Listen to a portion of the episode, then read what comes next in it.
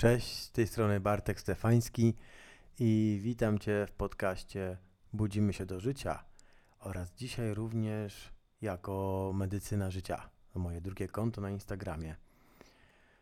Medycynie życia zajmuję się pisaniem księgi Medycyna Życia, gdzie sięgając do głębi swojego doświadczenia oraz objawienia, jakie zostało mi podarowane, nazywajmy to, jak chcemy przez, przez Boga, przez wszechświat, e, obdarowany wglądem w intuicję. Poszedłem za tym, poszedłem za głosem swojego serca i wydobywam sześć istotnych przestrzeni do życia w pełni: relacje i miłość, manifestacja i moc pozytywnego myślenia, naturopatia i zdrowe odżywianie ciała, obfitość i pieniądze pasja i podróże, medytacja i duchowość. Dzielę się tam swoją niemal dwudziestoletnią praktyką i pokazuję, jak przejąć kontrolę nad własnym losem i własnym życiem, aby realizować swoje przeznaczenie. W dzisiejszym podcaście zajmuję się relacją i miłością. Relacjami i miłością i zaprosiłem terapeutkę i specjalistkę od relacji i związków, Justynę Bartnik. Serdecznie Was zapraszam. Cześć, witam Was w podcaście Budzimy się do życia oraz Medycyna Życia. Piszę księgę Medycyna Życia i pierwszą częścią jest e, miłość i relacje pomiędzy energią męską i żeńską. I do rozmowy zaprosiłem Justynę Bartnik, specjalistkę, terapeutkę od relacji, miłości. Cześć Justyna. Dzień dobry, albo może dobry wieczór, w zależności od tego, o jakiej porze kto nas włącza i kiedy. Dzień dobry, dobry wieczór. Chciałbym tą rozmowę zacząć od, wydawałoby się najprostszego pytania, ale też być może najtrudniejszego. Powiedz mi, co to jest miłość? Jak ją rozumieć? Zawsze jak słyszę to pytanie, to tak sobie myślę, po co nam to wiedzieć? Mm. Bo mam czasem takie poczucie, że jest wiele rzeczy, które fantastycznie jest e, czuć, przeżywać, może nawet trochę emocjonalnie, trochę irracjonalnie. I zastanawiam się, czy zawsze jest rzeczywiście ta potrzeba, żeby pewne rzeczy artykułować poprzez e, narzędzie, jakim jest język. I mam e, w tej kwestii duże wątpliwości. Czy rzeczywiście, po pierwsze, potrzebna nam jest definicja, wiem, że zawsze wtedy może jest trochę bezpieczniej, mm, trochę tak bardziej stabilnie, bo wiemy, co to jest, wiemy, co możemy z tym sobie zrobić, ale tak naprawdę pytanie, po co pewne rzeczy opisywać słowami? E, nie czuję się tutaj na siłach na pewno, żeby podawać jedną konkretną definicję, bo mam poczucie, że ile ludzi, tak naprawdę tyle pewnie innych odczuć, innych przeżyć, innych emocji, i innych definicji. Jakbyśmy siedzieli pewnie w jakimś tam pokoju i, i, dyskutowali, to każdy powiedziałby coś innego i prawdopodobnie każdy mógłby mieć gdzieś tam rację, tak myślę.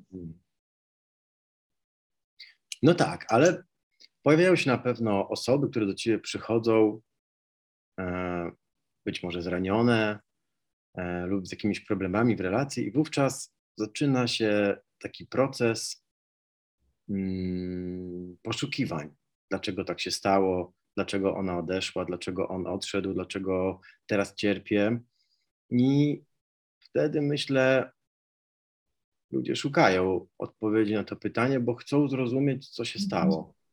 I jak im to przekazać, jak z nimi o tym rozmawiać wówczas, gdzieś, gdzieś, gdzieś do czegoś się odnieść mam takie poczucie, że wchodzimy na, na inny tor innego tematu po części, bo e, w samym swoim założeniu teoretycznie można by było powiedzieć, że miłość jako odczucie w tej takiej najwyższej, krystalicznej postaci jest e, piękna, jest bezinteresowna, jest dojrzała, jest bardzo taka przyjemna, przeszywająca, przelewająca. E, ktoś mógłby użyć słowa dobra, nie do końca jestem zwolennikiem jakby takiej, takiego podziału dobry-zły, ale na pewno mogłaby nam się kojarzyć ze wszystkim tym, co uwzniaśla, co mm. wprowadza poziom wyżej. Natomiast we współczesnym świecie jest tak, że my wiele rzeczy, które są uzależnieniem emocjonalnym od ludzi, zauroczeniem, jakąś walką ego, fascynacją, podążaniem za jakimś brakiem, potrzebą, też próbujemy nazwać miłością. Mm. E, I pytanie, czy to wtedy jest adekwatne? Czy rzeczywiście miłość to jest ten stan, gdzie my y, cierpimy, płaczemy, wbijamy w zęby w tynk i, i czujemy, że nie jesteśmy jacyś. Oczywiście jakby to wszystko, co dzieje się w kulturze, trochę nam nanosi takie myślenie na nas, żebyśmy myśleli, że jak cierpisz, ja bardzo często słyszę, że jak cierpisz, to znaczy, że wtedy to jest miłość, bo to jest takie mocne i to jest takie intensywne. No i jakby biorąc pod uwagę fakty biologii i tego, jak jakby my budujemy więzi, to rzeczywiście bardzo szybko przyzwyczajamy się do emocji, które są intensywne. Tylko pytanie, czy to jest rzeczywiście dobry kierunek? Czy mówienie o czymś, co nas wyniszcza, wykańcza, osłabia, drenuje i, i doprowadza różnych stanów, czy rzeczywiście to jest miłość, czy to przypadkiem nie jest coś innego, gdzie warto byłoby użyć jakby innego słowa w tym temacie, żeby było takie bardziej adekwatne. Hmm. To co to jest? To jak nazwać tą sytuację, kiedy jesteśmy, czujemy uzależnienie, albo dowiadujemy się, jak już związek się skończył, albo trwa i jest jakiś kryzys, to, to jak to nazwać? I kiedy nie, nie wiedzieliśmy o tym wcześniej, i nagle się mhm. okazuje, że my jesteśmy uzależnieni od tej osoby albo potrzebujemy tych emocji i mhm. tak jak domyślam się, to wtedy nie jest miłość, albo przynajmniej nie jest ona w czystej postaci. Bo tak jak Cię zrozumiałem, miłość jest czymś bezwarunkowym, jest czystym. W moim założeniu, w mojej perspektywie oczywiście, nie, nie, tylko pewnie w mojej jest taka fantastyczna książka, nie wiem czy polecamy tutaj książki. Możemy, możemy. Najwyżej sobie tam wytniesz. Mm, Eckhart Tolle napisał Potęgę Teraźniejszości, rozdział ósmy, na pewno czytałeś, to jest taki tak. fantastyczny rozdział o związkach oświeconych. E, uważam, że genialna w ogóle lektura dla ludzi, którzy mają gdzieś styczną z, duchowością albo myślą w ogóle o relacjach z, z takiego wyższego poziomu świadomości. I jakby trochę się na tym wzorowałam, trochę też na własnej perspektywie, trochę też na tym, żeby nie iść właśnie taką, taką popkulturą. Pytałeś o nazewnictwo. Wydaje mi się, że to, to, jest takie w świecie rozwoju i takim trenerskim, takie dwa piękne słowa, z których wszyscy się śmie śmiejemy. To zależy, tak? To hmm. zależy, jak nazywać niektóre rzeczy, bo w niektórych sytuacjach rzeczywiście jest to uzależnienie, można by tak powiedzieć, w niektórych neurotyzm, w niektórych jakieś nieprzepracowane traumy, które się ciągną jak walizka czy tam kula u nogi, a w niektórych sytuacjach może być to uczucie, które było miłością, a teraz na przykład przetransformowało się może w coś innego, a nawet tego nie zauważyliśmy, na mhm. przykład. E, I co wtedy? Więc myślę, że to nie jest jakaś jednoznaczna odpowiedź, ale to zależy, byłoby tu chyba najbardziej adekwatne, mam takie poczucie. No tak. To za, zgadzam się, to zależy od wielu czynników, natomiast w jaki sposób zbudować związek oparty na miłości w takim razie? Ojej, to jest. Myślę, że jakbyśmy otworzyli teraz wyszukiwarkę Google, wiesz o co chodzi, to prawdopodobnie to byłoby to takie zdanie, które po prostu wpisują ludzie w Google i, i liczą na taki, e, taką odpowiedź, taki strzał w dziesiątkę.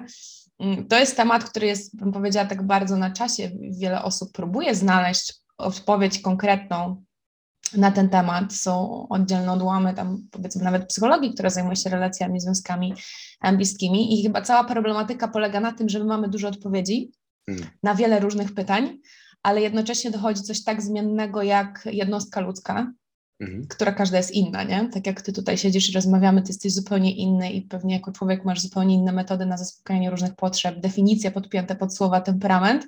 Ja tutaj siedzę razem z tobą, rozmawiamy i mam dokładnie tak samo. I, I jesteśmy w takim punkcie, gdzie jest wiele odpowiedzi na różne pytania, ale czasem jesteśmy tak różni, że nie wiem, chciałabym, żeby istniała jedna recepta na związki, ale mam takie poczucie, że na pewno istnieją pewne rzeczy, które pozwalają zwiększyć prawdopodobieństwo, na to, że coś się uda, ale chyba jeszcze nikt nie wymyślił takiej recepty, że dobrze, masz, proszę, 100 na 100, idziesz, robisz punkt A, B, C, D, E i przy Z będziesz, będziesz miała e, partnera wymarzonego.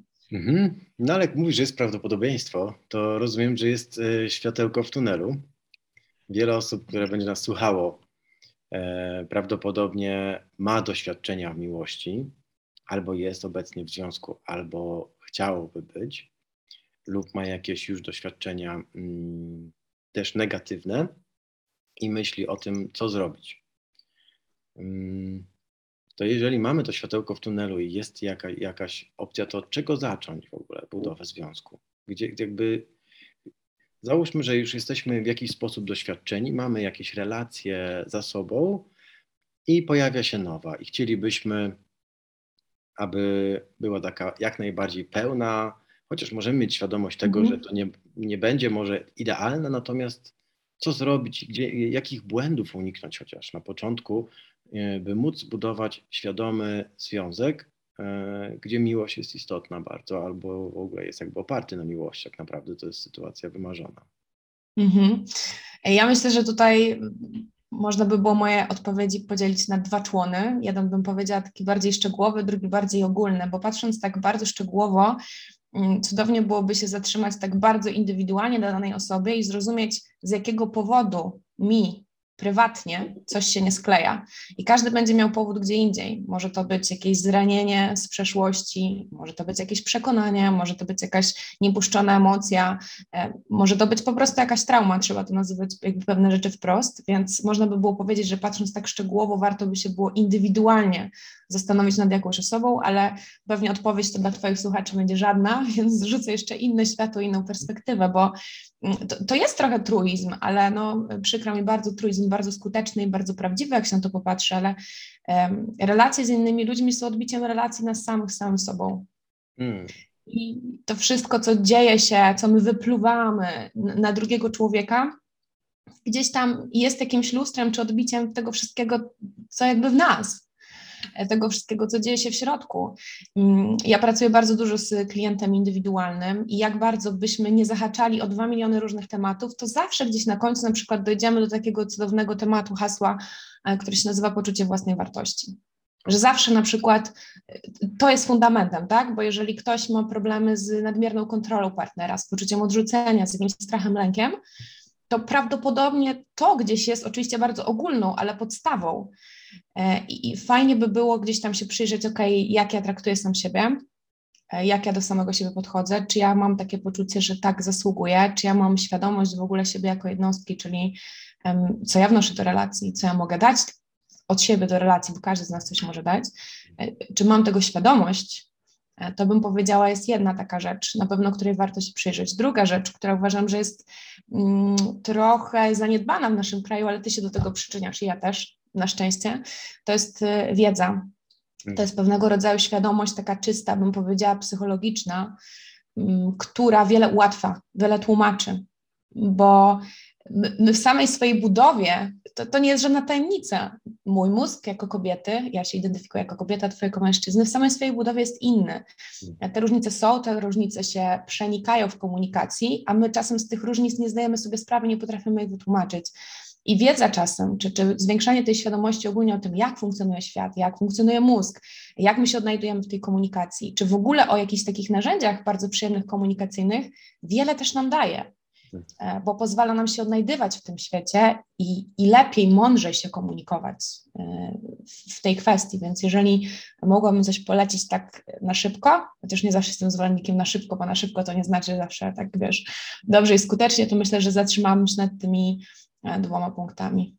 Okej, okay, czyli poczucie własnej wartości i mm, spra sprawdzanie siebie, tak jak to zrozumiałem, w relacji z innymi, jaki ja jestem, tak? I na co reaguję, bo to później będzie miało wpływ na to, jaki ja związek buduję.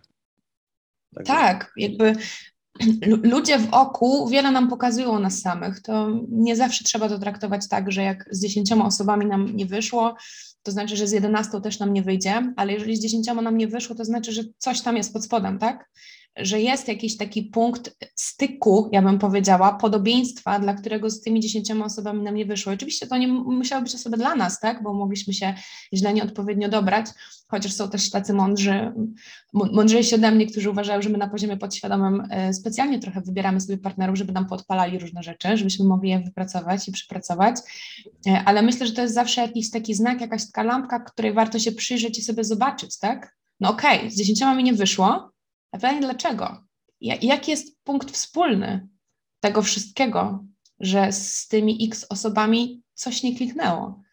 I ta odpowiedź czasem jest taka, wiesz, bardzo odżywcza i, i, i ciekawa dla kogoś, kto się z nią konfrontuje. Ale to, czy można by było tak powiedzieć, że konfrontacja z partnerem, w którym jesteśmy w relacji, mm, powoduje, że my się zmieniamy, że my naprawiamy się jakoś, że ta konfrontacja powoduje nasz rozwój albo daje nam taką szansę? to bym powiedziała, zależy od indywidualnej otwartości. Jeżeli jest taka chłonność danego człowieka i pokora w tym, żeby się otwierać i przeprocesowywać pewne rzeczy we wspólnej relacji, to tak. Tak, jeżeli będziemy mieli otwartość. Ale jest mnóstwo osób, które wchodzą do relacji z takim pancerzem zaciśniętym wokół siebie, mówią: Nie, ja taki jestem, ja się nie zmienię, ja nie będę inny, albo to bierzesz, albo do widzenia. Albo nawet tak nie mówią, ale, ale subkomunikują takie rzeczy. I tutaj mamy do czynienia e, z taką dozą nieotwartości, która dopóki dana osoba nie powie tak, chcę, no to możemy nie być możliwi, żeby się przez nią przebić i, i tam dotknąć, więc jakby relacje i związki dają nam dużo takiej możliwości do, do rozwoju do rozumienia siebie, poznawania siebie, ale tylko wtedy, kiedy otwarcie powiemy, tak chcę, tak chcę zobaczyć, tak chcę sprawdzić, tak mhm. chcę wiedzieć. No tak, bo z jednej strony da, dają nam szansę rozwoju, a z drugiej strony czysta, prawdziwa miłość. Ja się spotkałem z takim twierdzeniem, mówi, kochaj mnie takim, jakim jestem. No i co, zgadzasz się z tym? Bo to też jest ciekawe.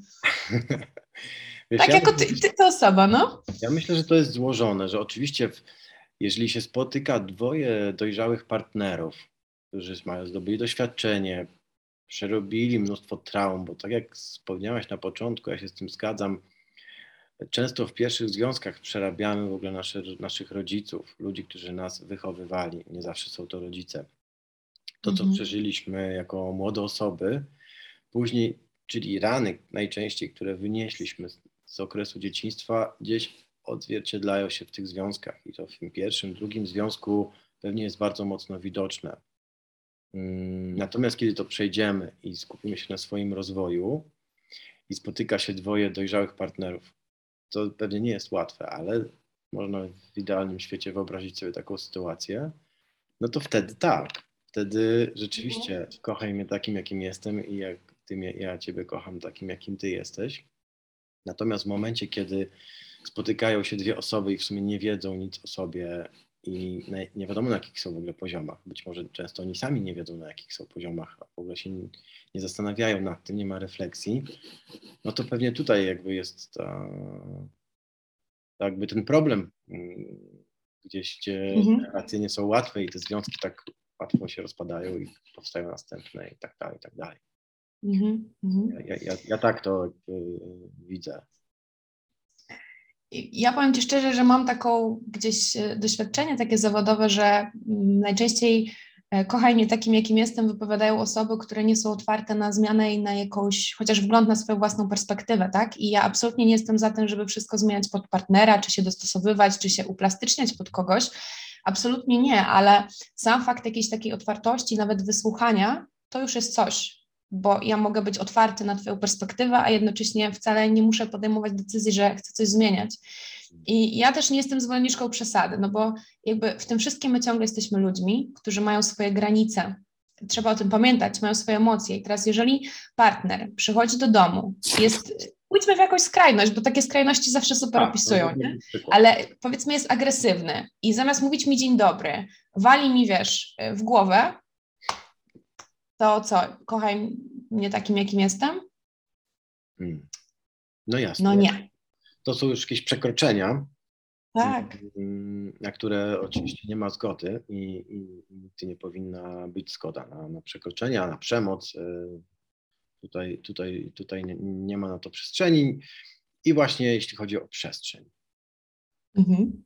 Powiedz mi, jak według Ciebie przestrzeń w związku na realizowanie nas samych jest istotna. Ciebie, gdzie jest też jakaś tam granica, gdzie po prostu ja realizuję siebie, gdzie jest przestrzeń na związek i tutaj jak, jak y, to dobrze ułożyć, żeby też partner nie poczuł się odrzucony.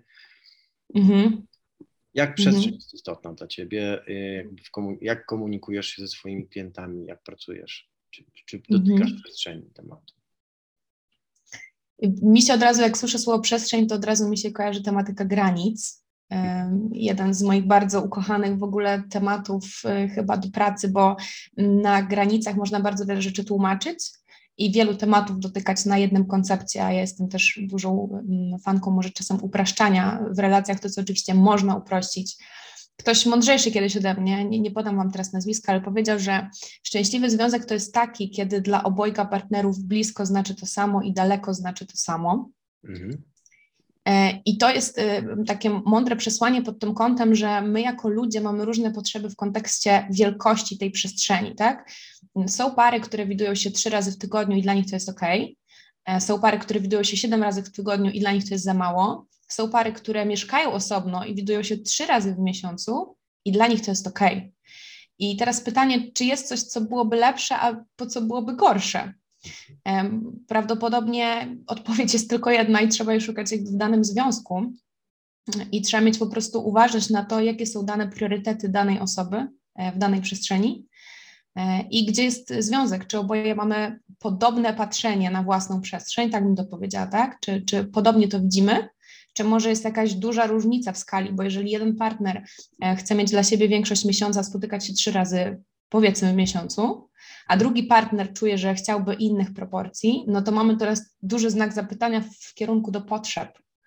E, nie wiem, czy to jest dokładnie to, o co pytałeś, bo myślę, że temat jest dosyć e, szeroki.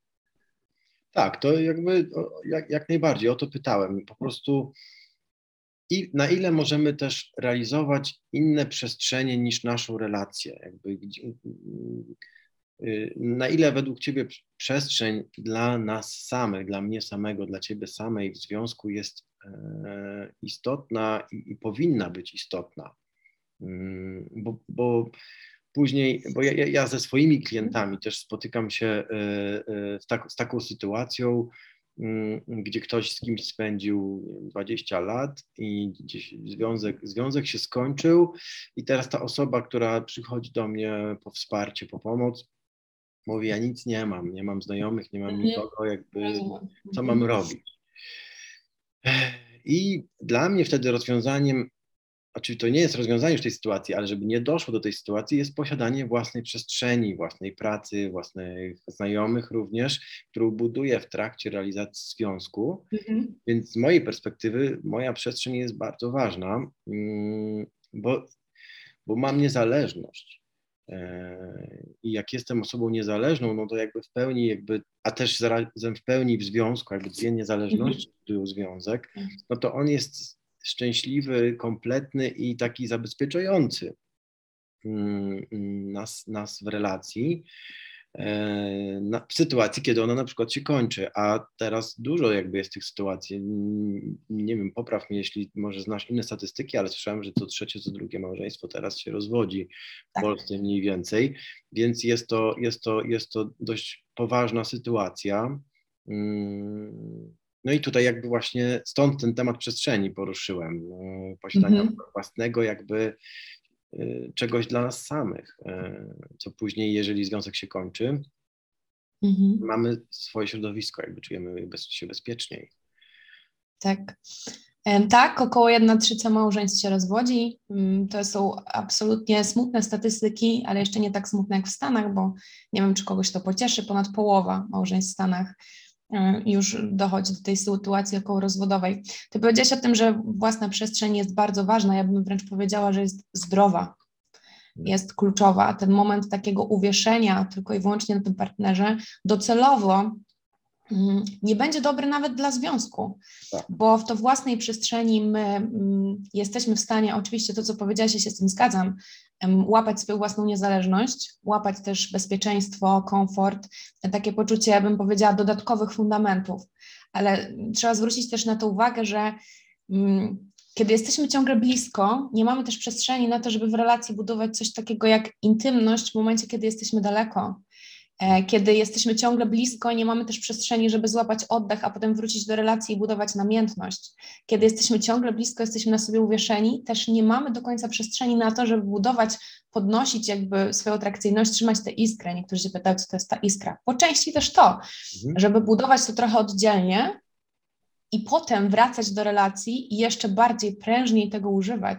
Więc y, ta przestrzeń własna, po pierwsze jest zdrowa, po drugie daje te fundamenty, o których rozmawialiśmy, ale patrząc też bardzo długoterminowo, może bardzo fajnie i zdrowo, kiedy jest ładnie wkomponowana w nasze życie, też podnosić atrakcyjność, trzymać tę iskrę, pomagać namiętności, pomagać intymności, i jak najdłużej pozwalać nam jakby być razem, uczestniczyć w tym życiu razem, kiedy też umiemy być osobno.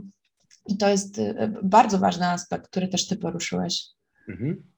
Czyli jak rozumiem, e, e, budowanie własnej przestrzeni może powodować, że jestem atrakcyjniejszy w związku. No tak, tak.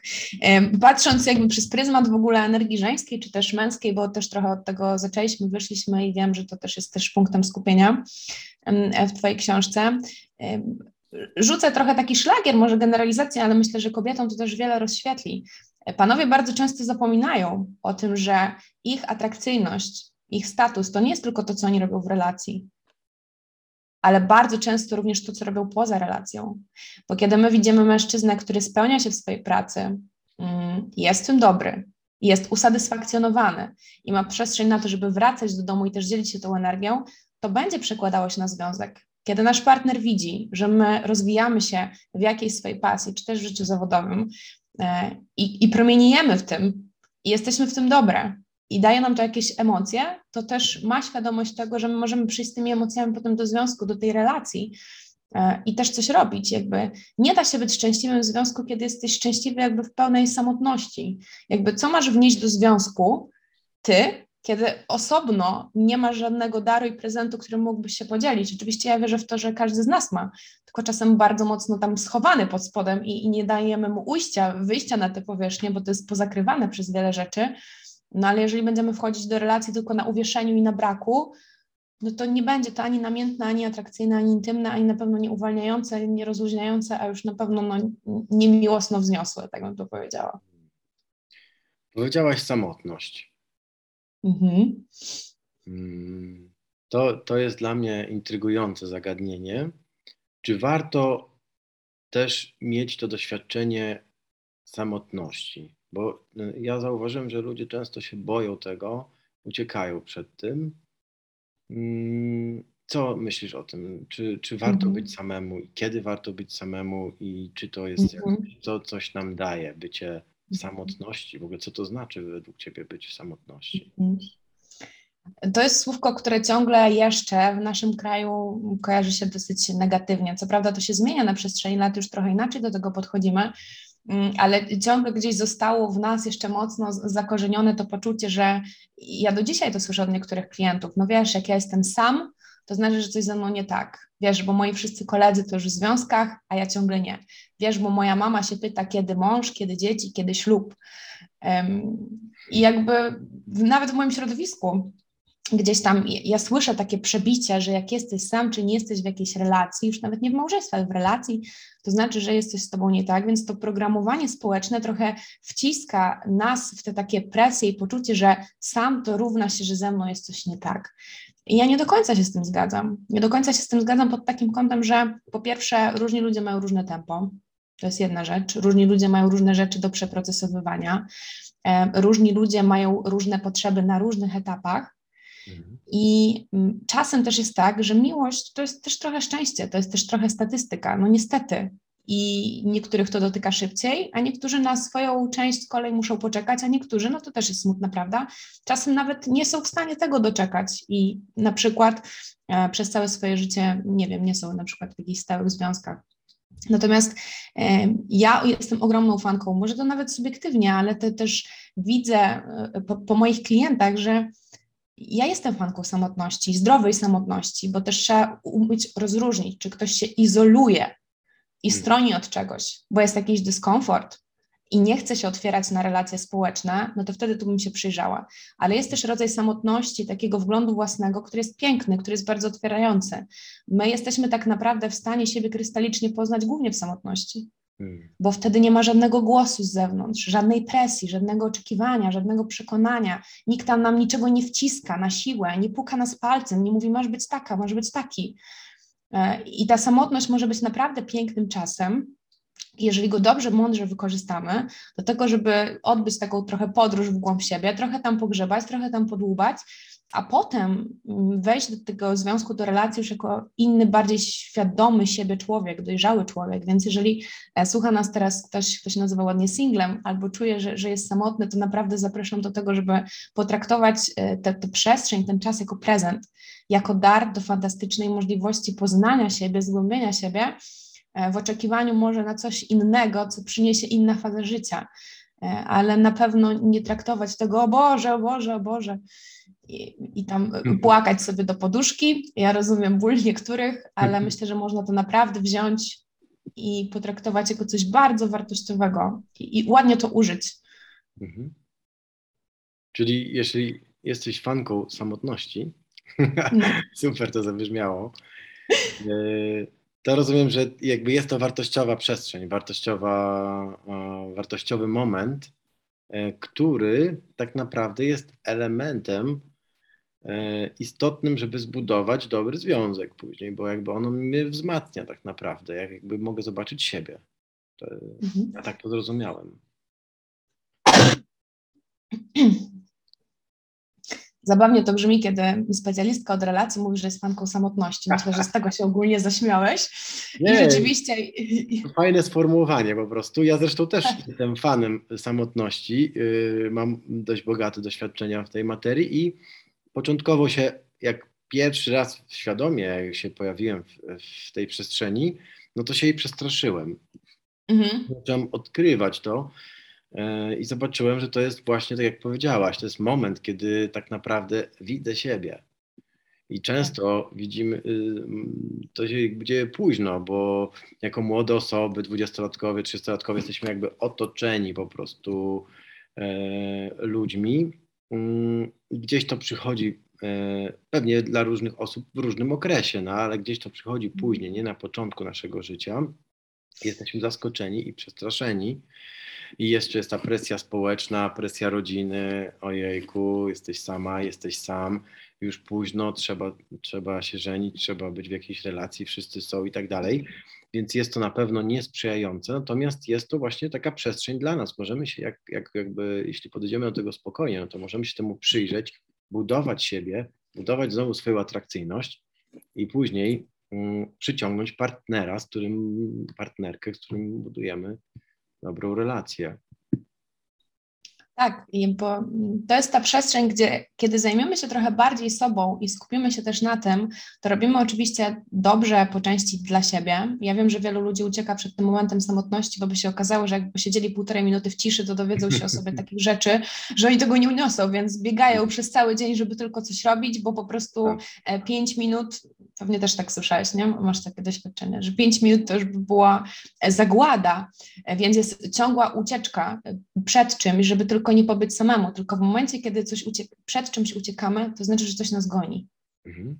I pytanie, czy rzeczywiście decydujemy się na to, żeby ciągle uciekać? Może ktoś chce, ale pytanie, czy, czy rzeczywiście warto, ale ten moment, kiedy jesteśmy sami ze sobą, to oczywiście mm, jesteśmy w stanie robić, ja bym to ładnie powiedziała, sobie dobrze, tak? Bo odkrywać siebie, odklejać się od pewnych emocji, rozumieć siebie, ale też kiedy dobrze wykorzystamy czas, to my potem możemy być jeszcze fajniejszym darem czy wsparciem dla partnera. Bo kiedy my jesteśmy spokojniejsi, to i nasza relacja będzie spokojniejsza. Mhm. Kiedy my jesteśmy radośniejsi, to i nasza relacja będzie radośniejsza. Kiedy my więcej o sobie wiemy, to więcej wiemy, co, czego możemy dawać swojemu partnerowi, co możemy dawać swojemu partnerowi, co możemy dawać związkowi. Więc to jest taka transakcja, bym powiedziała, wiązana, tak? Im mhm. ja mam więcej przestrzeni i, i luzu w sobie, no to ja mogę wziąć mojego partnera i też mu mogę dawać więcej luzu do relacji, bo no, relacja to jest złożenie tych naszych darów z jednej i drugiej osoby do czegoś wspólnego i to zawsze będzie taka e, perspektywa dodana, tak? Ja wkładam, ty wkładasz, ale wkładamy najpierw coś, co musieliśmy sobie odkryć, albo i nie, co jest też dużym utrudnieniem. Czyli, czyli dobrze jest, czyli, czyli załóżmy, mamy taką sytuację, że wychodzimy z jakiejś relacji, ona się skończyła, co wówczas byś poleciła. Przychodzi do ciebie spanikowana klientka, klient i mówi: Pani Justyno, Justyna, ratuj, jestem sama, a chciałabym z kimś być. I mhm. pytasz, kiedy się Twoja relacja skończyła? No, miesiąc temu. Co radzisz? Mhm. I pewnie chciałaś się mnie zapytać, bo trochę wyszliśmy z tego tematu samotności, tak zwane związki na zakładkę, tak? Czyli wyszedłem z jednej relacji w drugą, a to chciałeś zapytać? No, Wzruszasz ramionami. Chciałbym, chciałbym tak. za, za, chwilę przejdę do pytania, jak zbudować związek, jak mamy te doświadczenia, natomiast gdzieś mhm. chcę iść krok po kroku, bo właśnie kończy się jakaś relacja, jesteśmy samotni, tak okay. jak powiedziałaś, boimy się tego, zaczynamy to zagłuszać y, różnymi, różny sposób. I pojawia się szybko jakaś relacja. Czy warto? Znowu bym musiała użyć, to zależy. Odpowiem może na, na początku, to, to niewiele wnosi wartości, a ja też tak nie lubię. Może odpowiem nawiązując do tego, o co wcześniej zapytałeś, czyli powiedzmy jest ten moment, że, że ktoś jest po rozstaniu i co wtedy ma zrobić? Pierwsza rzecz to na pewno się tym zaopiekować. Zaraz powiem jak, ale żeby mieć chociaż taką trochę uważność, żeby nie spychać tego pod dywan, żeby nie udawać, że nic wielkiego się nie stało, żeby nie udawać, dobra, to następny, szybko lecimy dalej, bo jednak e, każde gdzieś tam rozstanie będzie dla nas mniej lub bardziej emocjonalne. Jakoś odciśnie piętno na naszym sercu, na naszej duszy, nazywajmy to jak chcemy, jak potrzebujemy, ale będzie miało pewnego rodzaju wpływ na nasze życie. I teraz ja jestem ogromną zwolenniczką e, zaopiekowania się tym tematem pod takim kątem, bardzo upraszczając, bo ja to rozkładam z reguły na 12 kroków, więc może nie hmm. będziemy każdego jednego omawiać, bo się tutaj się dzieje przez 3 dni. Mam, mam 111 kroków, ale upraszczając dla tych, którzy potrzebują, e, w pierwszej kolejności na pewno zaopiekować się emocjami. Zaopiekować się emocjami, nie przyspieszać na siłę pewnych rzeczy, nie obarczać się winą na tyle, na ile się da, ale kiedy jest taka możliwość, płakać, krzyczeć, walić rękoma w poduszkę, pisać listy, wyrzucać wszystkie te rzeczy, oczywiście w najbardziej zdrowy i zasobny sposób, jaki mamy. Ja tam nie, nie planuję, tam, znaczy nie planuję, nie proponuję tam krzyczeć na, na kolegów czy tam znajomych, ale kiedy mamy jakieś takie przestrzenie, że możemy coś zrobić z tymi emocjami, dać im ujście, to sobie po prostu na to pozwolić. Ja bardzo często słyszę ludzi, którzy Justyna, już zabierz to cierpienie, ten ból, już lecimy dalej. No nie. Bo kiedy nie wyrazisz pewnych rzeczy, nie wypuścisz z siebie pewnych rzeczy, to tak jakbyś nie wyrzucił śmieci do śmietnika, to zgnije w środku ciebie. Mhm. I, I, nie można sobie pozwalać na takie rzeczy. Ja wiem, że to jest dyskomfort. Ja sama przechodziłam przez rozstania, ja sama pracuję z rozstaniami, jestem w stanie chociaż trochę się jakby do tego odnieść na tym poziomie takim racjonalnym, ale trzeba sobie dać czas na przepracowanie emocji, na puszczenie tego, na nawet, słuchajcie, to się nazywa po prostu fachowo okresem żałoby, tak? Mhm. Bo mówi się, że my przeżywamy to, jak ktoś umrze, kogoś nie ma, ale kiedy kończy się jakaś relacja, to jest tak, jakby ta osoba znikała z Twojego życia. Mhm. Kończy się jakiś etap i, i trzeba dać sobie na to czas e, z taką czułością, wsparciem, przestrzenią e, i, i, z takim zrozumieniem dla własnego tempa. To jest jedna rzecz, ale zaraz po tym, jak już będziemy w stanie, to zaopiekować się tym trochę pod kątem takim racjonalnym, logicznym i trochę się pouczyć tej relacji co wyszło, co nie wyszło, co mi się nie podobało, co mogłam, mógłbym zrobić inaczej, dlaczego to nie kliknęło, skąd to się wzięło, żeby chociaż trochę sobie powyciągać te wnioski na takiej sferze też logicznej, e, żeby mieć dostęp do, do bardziej jakościowej wiedzy, jak kolejnym razem będziemy wchodzili w jakąś relację, jakiś związek, żeby a nuż się nie potknąć o tę samą przeszkodę, Myślę, że to by było racjonalne, bo mnóstwo ludzi robi tak, że w jednym ten sam błąd, drugi, trzeci, dziesiąty i potem na jedenastym ląduje albo u ciebie, albo u mnie, tak? Ratuj, pomóż, bo już się wywaliłam 11 razy i, i sinę te kolana. No tak, tak. No tak jest, nie? No dobrze, a można... wyobraźmy sobie sytuację taką, że ktoś to robi. E, pracuje albo przepracował traumy rodzinne, mhm. nie, nie jest już tak cierpiącą, zranioną osobą, ma doświadczenie, rozwija mhm. się, poznaje literaturę, bo często tak jest, że ludzie zaczynają czytać o relacjach, o miłości, zaczynają właśnie korzystać z usług e, e, osób, które się z tym specjalizują, oglądać na YouTubie, podcasty, no i jakby jest dużo teraz e, możliwości, bardzo dużo. Mhm. Mm, no i też przeszła ta osoba okres y, samotności, y, mhm. czyli wy, wykorzystał, wyobrażam sobie taką sytuację, gdzie ktoś wykorzystał tą sytuację w pełni i jest gotowy. Okej. Okay. Jest, jesteśmy w tym momencie. No, dobrze brzmi, bo jakby dobrze brzmi, ładnie się zapowiada, no. Dobrze brzmi. Mm, I teraz co, co powinni, jakby jak zbudować tą relację, czego oczekuje kobieta, czego oczekuje mężczyzna, e, w jaki sposób zbudować relację. Mhm. Ja bym to, bo teraz pytanie, czy my odnosimy się do tej fazy, że ktoś jest gotowy i co ma robić, czy my już odnosimy się do tej fazy, że ktoś już kogoś poznał i będzie budował z nim relacje, bo to bym powiedziała, że są dwie inne perspektywy. Okej, okay. To weźmy tą perspektywę pierwszą, że jeszcze nikogo, nikogo nie znamy, ale jakby jesteśmy na to gotowi. Okej. Okay. To ja jestem, znowu użyję, spodobało Ci się wcześniej słówko fanka samotności, to teraz użyję bardzo czegoś podobnego, trochę podmienię. Ja powiem tak, ja jestem fanką życia, to znaczy oczywiście literatura, oczywiście specjaliści, jeżeli czujemy taką potrzebę, doszkalanie się, podcasty, to jest fantastyczne e, i bardzo dobrze, że się pojawia, bardzo dobrze, że jest na to rynek i bardzo dobrze, że ta świadomość wzrasta, ale relacje buduje się z drugim człowiekiem, a nie z książką. Więc w momencie, kiedy mm, już mamy wiedzę i ona jest fantastyczna i bardzo przydatna, to trzeba ją wziąć i użyć w życiu, to znaczy żyć, to znaczy poznawać ludzi. E, I to są rzeczy nie do przeskoczenia żadną książką. Niestety, e, ona jest na pewno, e, ta wiedza jest bardzo pomagająca pod tym kątem, że usprawnia pewne procesy i jest w stanie to robić szybciej, bardziej selektywnie, bardziej efektywnie, bardziej jakościowo, to na pewno, ale po prostu w takim momencie trzeba iść do życia i poznawać ludzi. Kropka. I tutaj nie ma wielkiej teorii na jakieś niesamowite rzeczy. Są pewne statystyki, które niektórzy ludzie pewnie będą musieli przeskoczyć, mm, ale trzeba iść i żyć poznawać ludzi. I tyle. I no jakby... Super. No. Trzeba wyjść po prostu z domu i e, zacząć jakby nawiązywać relacje, pokazać się światu. No i załóżmy, mhm. że to robimy, wiemy to. Wychodzimy mhm. i poznajemy osobę, która nas interesuje i jest z drugiej strony również zainteresowanie. Mhm. Mm, no i co teraz? W jaki sposób, gdzie jakby jeśli chcemy zbudować świadomy związek, to co zacząć hmm? robić? Jakby mamy już wiedzę, więc zaczynamy po prostu gdzieś to analizować, mamy jakieś doświadczenie wielu związków i nie chcemy, żeby ten jedenasty przeszedł w dwunasty, tylko chcielibyśmy, żeby jedenasty związek e, był e, już tym długotrwałym związkiem. Kliknął. Kliknął, tak. Mm. To, to, to co według Ciebie powinniśmy zrobić? Jakby gdzie mhm. szukać, czy, czy to jest w ogóle możliwe, bo być może powiesz mi, nie, to jest niemożliwe, jakby żyjmy, bądź cieszmy się, jakby zobaczymy, co przyniesie. Tak. Wiesz, gdybym powiedziała, że nie, to niemożliwe, to pewnie mogłam się już pożegnać ze swoją pracą y, prawdopodobnie i w ogóle się, się nią nie zajmować. Ja kiedyś y, zrobiłam taki bardzo roboczy podział, żeby po prostu łatwiej coś tłumaczyć dla wielu ludzi.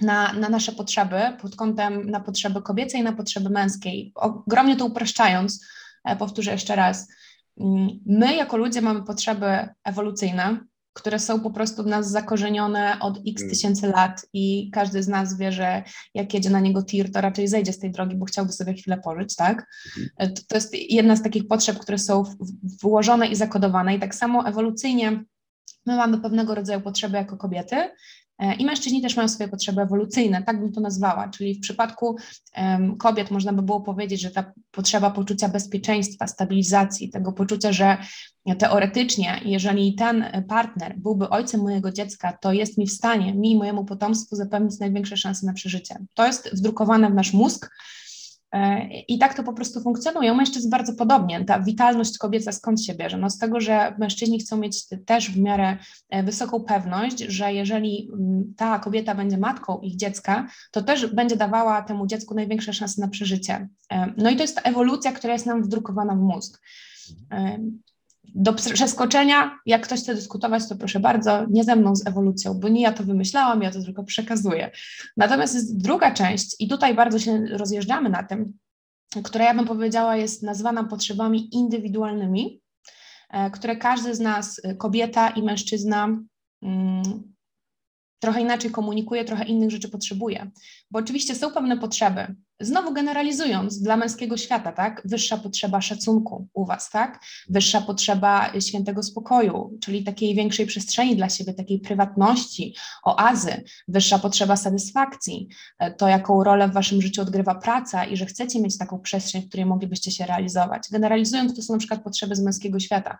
E, potrzeba wsparcia, docenienia, zauważenia, tego, co robicie, tak? I, I te kobiece oczy, które mówią, tak, wierzę w ciebie, to jest fajne, to jest wartościowe. I kiedy się to wie na przykład o męskim świecie, znowu to jest pewnego rodzaju generalizacja, uproszczenie, ale kiedy ma się tę wiedzę, to trochę łatwiej jest funkcjonować w relacji, bo wtedy wiemy, o co chodzi temu naszemu partnerowi. U kobiet tak samo, tylko problem jest taki, że tak samo pod kątem potrzeb, tylko z reguły to są inne potrzeby, tak? My mamy wyższą potrzebę y, czułości, ciepła, takiego zaopiekowania, e, tworzenia relacji poprzez bliskość emocjonalną. E, pierwsza różnica z brzegu, o której my nie jesteśmy świadomi, tak?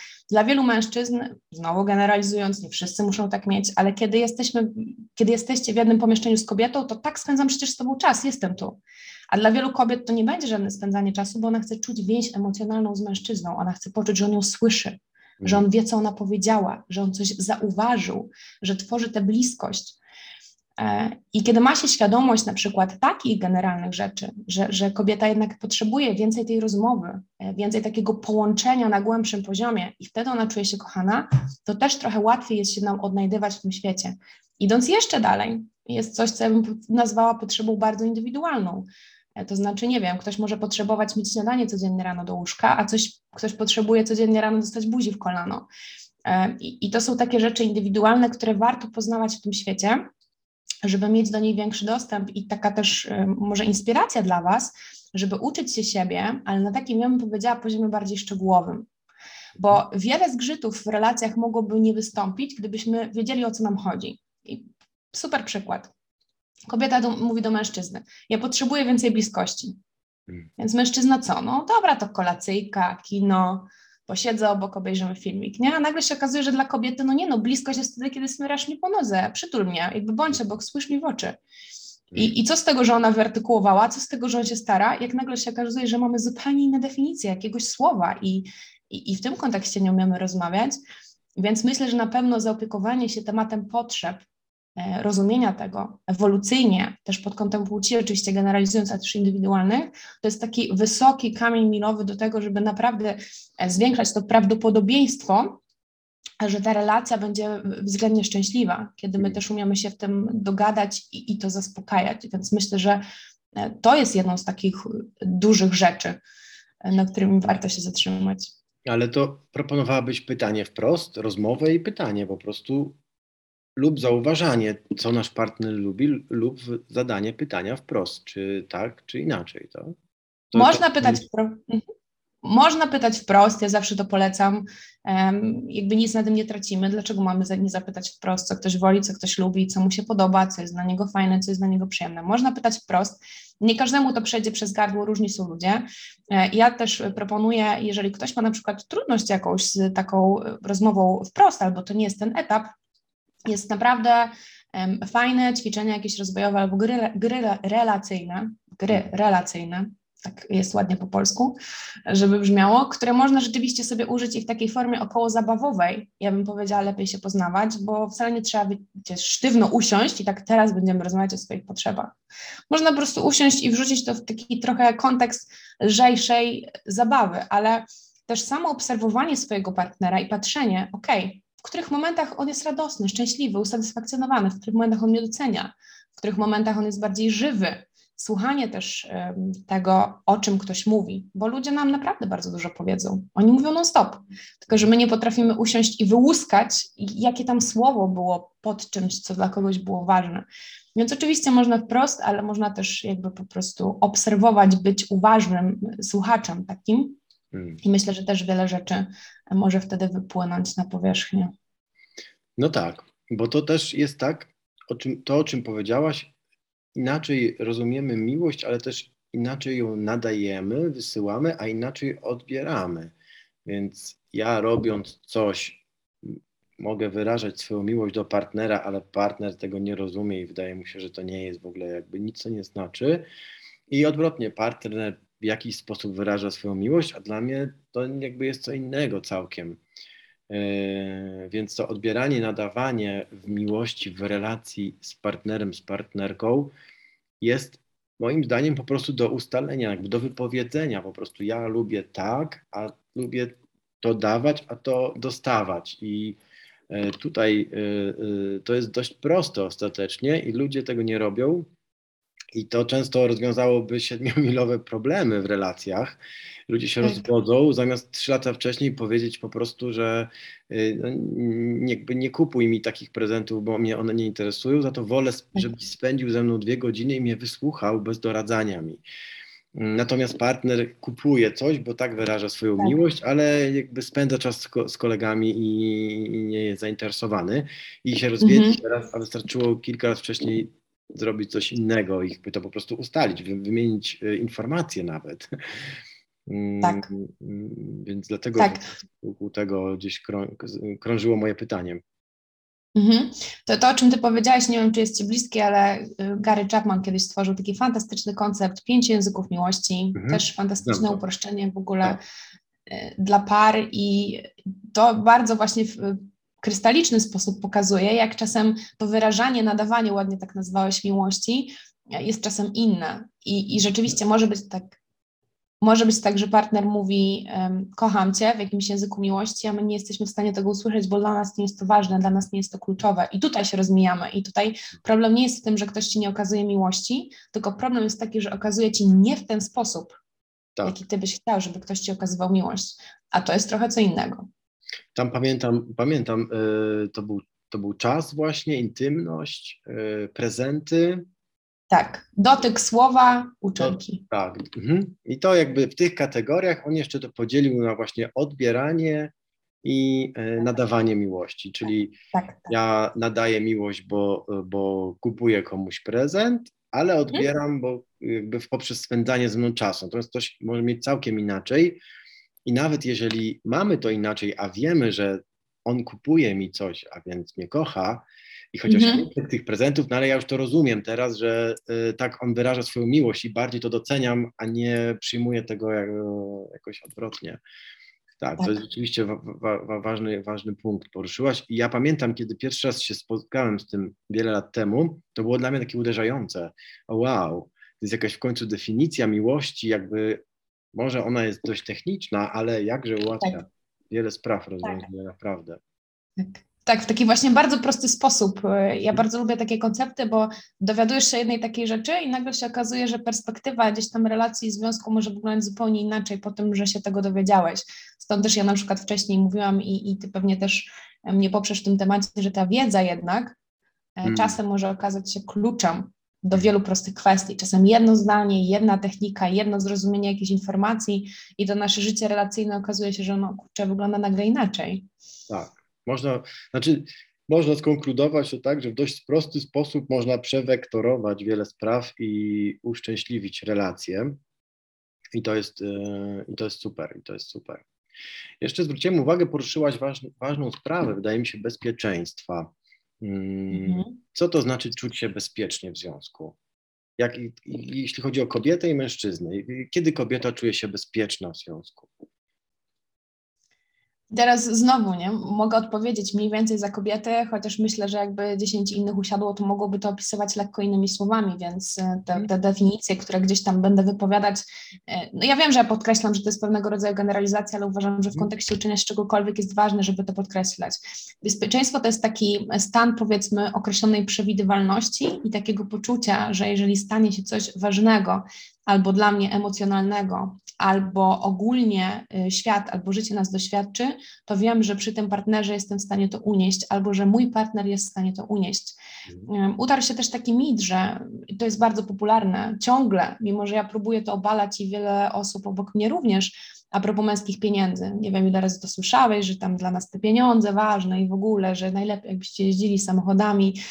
To jest niesamowite, że mamy XXI wiek, a to jest ciągle w nas tak bardzo mocno zakorzenione. Mm. I to nie jest jednostkowe myślenie, to jest naprawdę myślenie naszej populacji. Tu nie do końca chodzi o pieniądze, tu chodzi o pewnego rodzaju poziom zaradności życiowej, a mhm. pieniądze są po prostu wynikową, która jest pewnego rodzaju walutą umowną, e, w której my funkcjonujemy w tym świecie. No i prawda jest taka, że jeżeli mam pewnego rodzaju umiejętność, jeżeli mam pewnego rodzaju zaradność, to te pieniądze na różnym poziomie, ale prędzej czy później gdzieś tam jakoś się pojawią. E, więc to jest też takie poczucie bezpieczeństwa pod takim kątem, że czuję, że jestem w stanie być w tej przestrzeni i w razie czego mój partner jest w stanie mi pomóc, gdyby coś się wydarzyło. To myślę, że by było pewnego rodzaju poczucie bezpieczeństwa od strony e, kobiet. Natomiast ze strony męskiej myślę, że mogłabym tutaj bardziej dotknąć i też na to wskazują badania. Mężczyzna bardziej czuje się bezpieczny w kontekście kobiecej lojalności. To jest bardzo ważne też dla, dla mężczyzn, żeby mieć takie poczucie, że ta partnerka, którą oni wybrali, z którą oni tworzą relacyjność, jest wierna, jest lojalna, jest bardziej ich. Znowu to kwestie ewolucyjne, tak? My, jak jesteśmy matką dziecka, to wiemy, mężczyzna ma, ma albo może mieć podświadomie bardzo często znaki zapytania. Więc powiedziałabym, że męskie bezpieczeństwo to jest mniej więcej że takie poczucie lojalności i oddania tej konkretnie partnerki w kierunku mężczyzny. I to chyba bardziej byłoby takim e, adekwatnym wytłumaczeniem tej wartości. Hmm. Tak, zgadzam się z Tobą. To jest, e, to jest właśnie tak, myślę, jak, jak rozumieją to mężczyźni i kobiety. Mhm. Ja myślę, że kobiety jeszcze po, potrzebują być wysłuchane i to też jest dla nich bezpieczeństwo kiedy, kiedy są naprawdę słuchane e, i kiedy ich partner e, aktywnie ich słucha. E, to jest moje doświadczenie, ale też o tym już czytałem. Mm, kiedy słucha, nie, nie doradza. Kiedy słucha, po prostu jakby nie wkłada nic swojego, co też jest często mm, jakiś problem i mężczyźni lubią włożyć e, swoje dwa grosze i rozwiązać wszystkie problemy kobiet, a mhm. się z tym spotkałem osobiście, ale też właśnie z, w pracy z, z klientami, że to jest całkowicie niepotrzebne. E, mhm. O tym akurat napisałem e, w książce. Kobiety po prostu potrzebują, ktoś ich słuchał, bez, bez nich jakby nic więcej nie potrzeba. Czy ty się z tym zgadzasz? Mhm.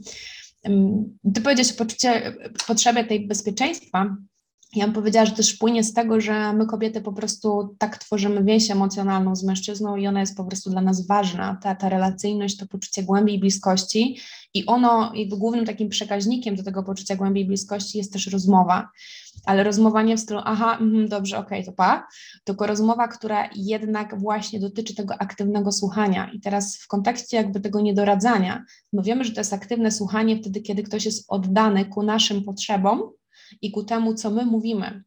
Kobieta bardzo często potrzebuje pewne rzeczy wyrazić, zwerbalizować, bo to też jest proces do przeżywania emocji, do mielenia tych emocji. Czasem ich jest tyle i one są tak bardzo nawarstwione i nieuporządkowane, że w momencie artykułowania my jesteśmy w stanie choć trochę poukładać je w szufladki, zrzucić z siebie też ten ładunek energetyczno-emocjonalny i dostać takie poczucie wsparcia i zrozumienia, co też jest ważnym słowem w kontekście jakby przy męskiej, przebywania przy męskiej energii. No, męski analityczny umysł już sobie połączył wszystkie kropki, już sobie dodał, już wypluł, wyprodukował rozwiązanie, no weź i idź i to zrób, nie? No ale kochanie, nie chodzi o to, że ja muszę iść i coś zrobić, na razie chodzi mi o to, że mam jakiś stan emocjonalny, a jak nie przeprocesuję tego stanu emocjonalnego, to nie pójdę i nie zrobię, tak? To jest mm. jakby dopiero następny krok. Wy już szybciutko przeszliście do następnego, a my jeszcze siedzimy w tym punkcie, że po prostu chciałybyśmy wyrazić te emocje i to dla nas to wyrażanie emocji i to, że wy nam jesteście w stanie stworzyć przestrzeń, znowu ładne słówko, też wcześniej do niego nawiązałeś, mm. przestrzeń na nasze emocje, to jest bardzo, bardzo potrzebne. Tak samo przestrzeń na te emocje, bym powiedziała, nie do końca zasobne i, i wspierające, czasem może nawet obciążające, ale również na te emocje radości, wzniosłości, energii, wdzięczności, że, że mamy takie poczucie, że jesteście i że, że możemy pewne rzeczy wyrażać, bo, bo tak, dla nas jest to ważne. No tak, tak jak wspomniałaś, męski analityczny umysł e, rozwiązuje wszystkie problemy i je załatwia. I tutaj często mężczyźni kompletnie są zagubieni i nie rozumieją tego, żeby po prostu posłuchać i e, nic więcej. E, I z tym się też spotykam. Mm, I to po prostu jest jakaś książkowa wiedza o biologii kobiety i mężczyzny, którą trzeba po prostu wiem, wykuć i, i pamiętać o tym, a ona z czasem płynnie jakby wchodzi, to się dzieje i to już nie, nie jest to problem w pewnym momencie tak naprawdę. Bo po, w początkowej mhm. fazie może być dla mężczyzny to kłopot, jeśli do tego wcześniej nie robił i nie, w ogóle nie wiedział o tym, e, tak. co zrobić w tej sytuacji i popełniał kardynalny błąd pod tytułem rozwiążę wszystkie twoje problemy w 5 minut. Tak, tak. Jakby umiejętności, ja wczoraj się akurat śmiałam do, do, do, jednego z klientów, uśmiechałam bardziej, że umiejętności komunikacyjne, społeczne, e, to jest umiejętność do wyuczenia jak każda inna, tak? Tylko jakby problematyczne jest takie, że jeżeli kiedy my uczymy się, nie wiem, jeździć na rowerze, to mama, tata weźmie, wujek weźmie, pokaże jak to robić i jedziemy, tak? To dosyć prosta czynność komunikacji, no nie siadamy w szkole w ławce i nikt nam nie, nie opowiada o modelach komunikacyjnych, o różnicach w budowie mózgu, jak w ogóle funkcjonuje człowiek, więc potem trochę metodą prób i błędów, w zależności od tego, jakie mieliśmy doświadczenia rodzinne, czymś tam nasiąkamy, czymś nie. Ale też to trzeba trochę potraktować po prostu jako pewnego rodzaju umiejętność, jak mężczyźni mają zadaniowy mózg, drodzy panowie, to myślę, że dla Was to będzie taką inspiracją, że po prostu jak umiejętność do wypracowywania pewnych rzeczy. Osiem razy zrobiłem tak, ale za dziewiątym się dowiedziałem, za dziewiątym zrobię, dziesiątym nie wyjdzie, jedenastym nie, ale za trzynastym pójdziemy e, i to kliknie i po prostu tego trzeba się uczyć. Mhm. Tyle i, a, tyle i aż tyle. Okej. Okay. E, powoli będziemy kończyć e, naszą rozmowę.